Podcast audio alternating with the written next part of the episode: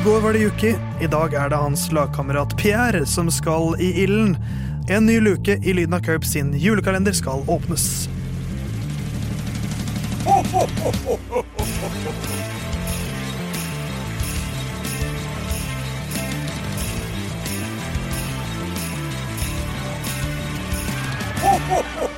Lørdag 17. desember. Det begynner eh, å nærme seg jul nå. Det er en uke til julaften. Med lyden av Curbs vi skal eh, ta en sending om dagen, vi. Helt fram til nøyaktig den datoen. Det er 17. desember. Herman er her. Si hei, hei sann. Hei, jeg kjenner Jeg fikk puls også, fordi jeg lo sånn like før vi, før vi begynte her. Og det ga rett og slett Det var aue i hjertet mitt. Så jeg vet ikke hva det sier om den fysiske tilstanden her, men eh, litt, det var litt om meg. Men du holder sendinga. Sendinga skal gå. Ja. Uh, Jon, du holder ut i dag, du òg. Jeg holder ut i dag òg. Jeg gleder meg til å se hva som eh, den lyden skal følges opp med etterpå. Ja. For eh, vi, har, vi kan jo bare hoppe i det. Pierre Gasli okay. er dagens mann. Det vet jo du som hører på allerede. Det har du sett i blant annet eh, episodetittelen, du har hørt det i introen, og nå har du hørt det igjen. Og Jon, eh, Jon, det er ikke vi som skal ha publikum, ansvaret i dag. Men Herman, du har vært litt kryptisk. Hvordan skal vi oppsummere sesongen til Pierre Gasli? Ja, eh, da Altså, først og fremst så kan jeg si at eh, det er noe som dere kan være med og delta på. Jeg kommer til å delta. Ja. Ehm, så det er liksom Og formatet skal være kleint. Det skal være dårlig, og det skal gjerne være um, sånn at det er rotete, da.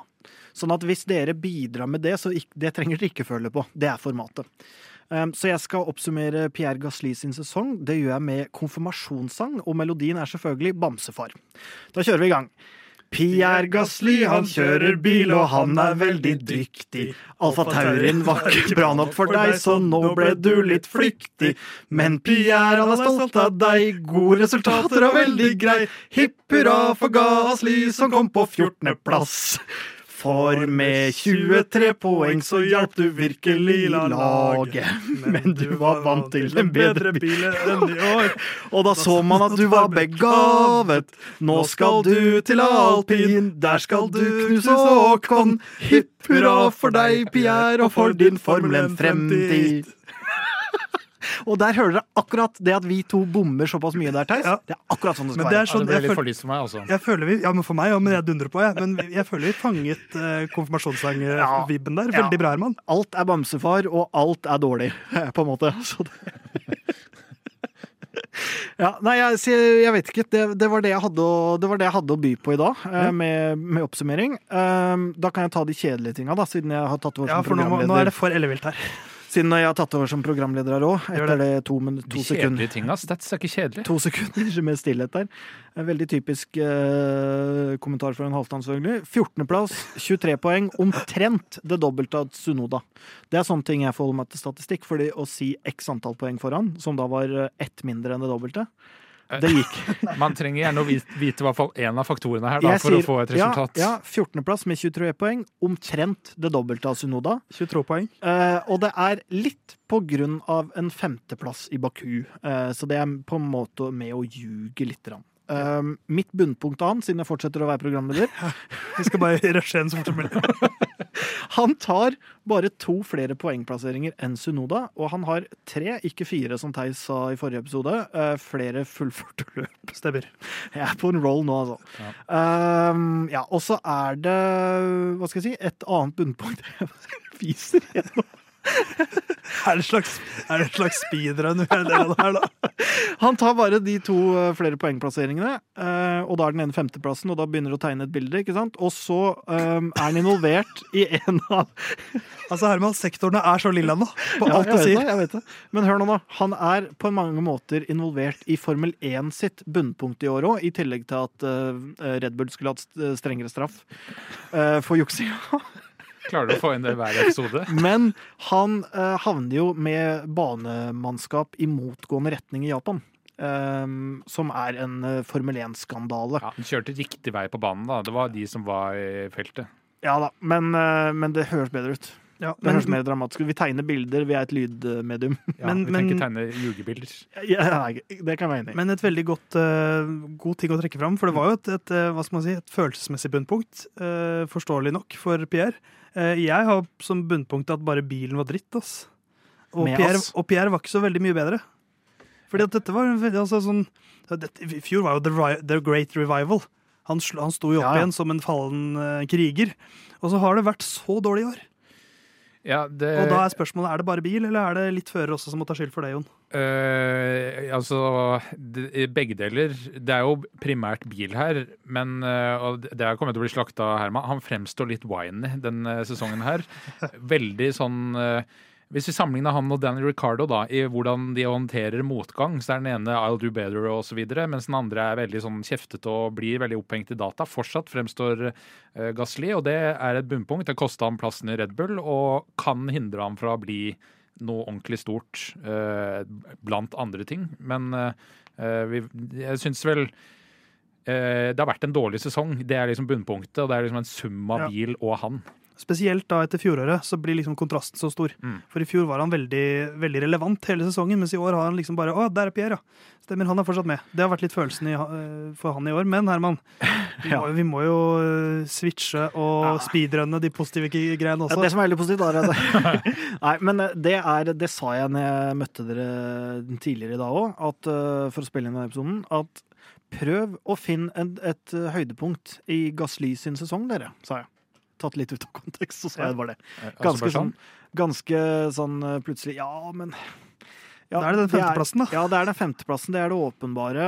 Jeg har også notert meg liksom egentlig måten han håndterte Japan på. Ja, med sinne og frustrasjon, men det syns jeg jo mildt sagt var på sin plass. At, uh, at han gjorde det, og det kan godt hende at det hadde blitt nedtona. Han satte jo på en måte Fia i en sånn posisjon at de prøvde jo å nedtone det, Ja. men Riktig bruk av følelser. men de kunne ikke det, på en måte. Så, så jeg, jeg syns det egentlig var godt håndtert. Og så, ja, men jeg, jeg, det er bare en stor skuffelse. Han, han har uh, hatt god utvikling nå den siste tida. Jeg, jeg har tenkt at han kanskje er et av de uh, navna som plutselig kunne blitt verdensmester og poppa opp i noe, men eh, så kommer den Ja. sesongen her, da. Så, så det god, god bruk av følelser der. Jeg har valgt å fokusere på på på en måte lag-connections han har brutt ut av Red Bull.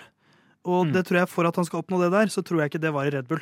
Og det å komme seg over i et nytt lag uh, som matcher hans nasjonalitet veldig, uh, jeg tror det var positivt for hans karriere å komme seg bort fra Red Bull nå.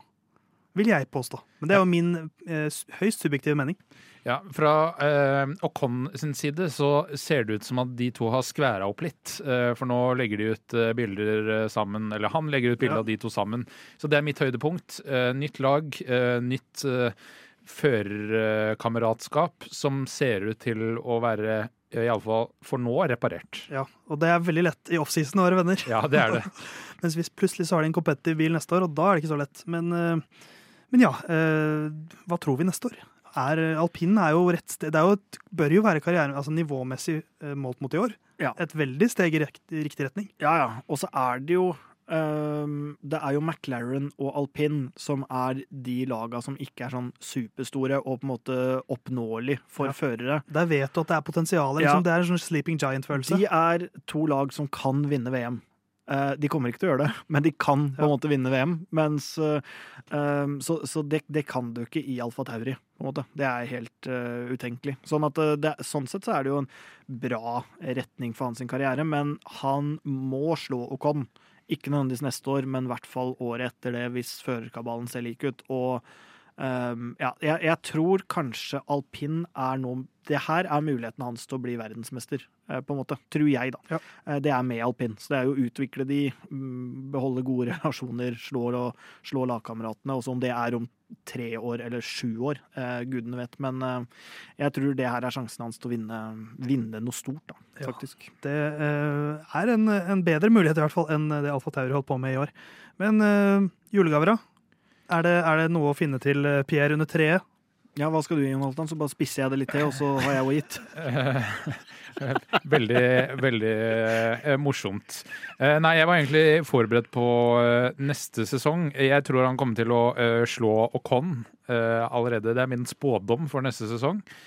Eh, og i det uh, Jeg ga jo Con napoleonskake. Kanskje må gi henne en kransekake eller et eller annet, da, så de kan uh, eh, forberede seg for neste sesong. Og jeg, jeg kaster meg på bakeriet og gir den en suksessterte, som er min favorittkake. Ja, men Var det den gaven du trengte å gi, eller har du en Det, Ja, det har begynt med ny strategi. Det er jo en strategiomveltning i studio her. Hermans eh, hva skal man si, eh, vei til å unngå arbeid når stadig nye høyderpunkter eller bunnpunkter. Ja, bunnpunkt. Kanskje vi skal ta, på starten av neste ta en sånn episode som det her for hver av oss. Eh, jeg, har, jeg har to gaver til, eh, til Pierre. Ja. Det ene er en stridsøks som kan begraves. Så han og, Pierre, nei, han og Esteban kan begrave stridsøksen. Men jeg tror ikke dette er så rosenrødt som Jeg tror det er viktig at de, at de luker i bedet gjennom neste sesong. Så jeg har gitt dem et slags klippekort som uh, gjester på podkasten til Steinar og Katrin Sagen. Havarikommisjonen. Uh, ja, det er kanskje det den heter. Nei, det er det ikke. Det er, Er det, er det Stein, ja, Steinar Ja, stemmer det. og Katrin redder, eh, Ja, men redder det er en parpodkast som Ja, også heter det. Det er jo samme greia, da, hvor de, de kan komme der, prate med Steinar og Katrin Sagen. Sånn får de bedre sex, sånn får de tid til, til hverandre i hverdagen. Og sånn klarer de å holde eh, vibben god gjennom 23 løp i 2023. Så det var eh, mine gaver. Ja, fine gaver, Tess. Flotte, flotte gaver. I morgen, Herman, hvem skal vi prate om da? I morgen så skal vi prate om denne karen.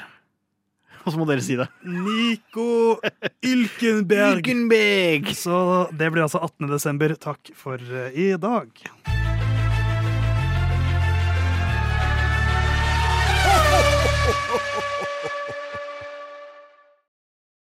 Good luck this weekend, Stroll. Thanks.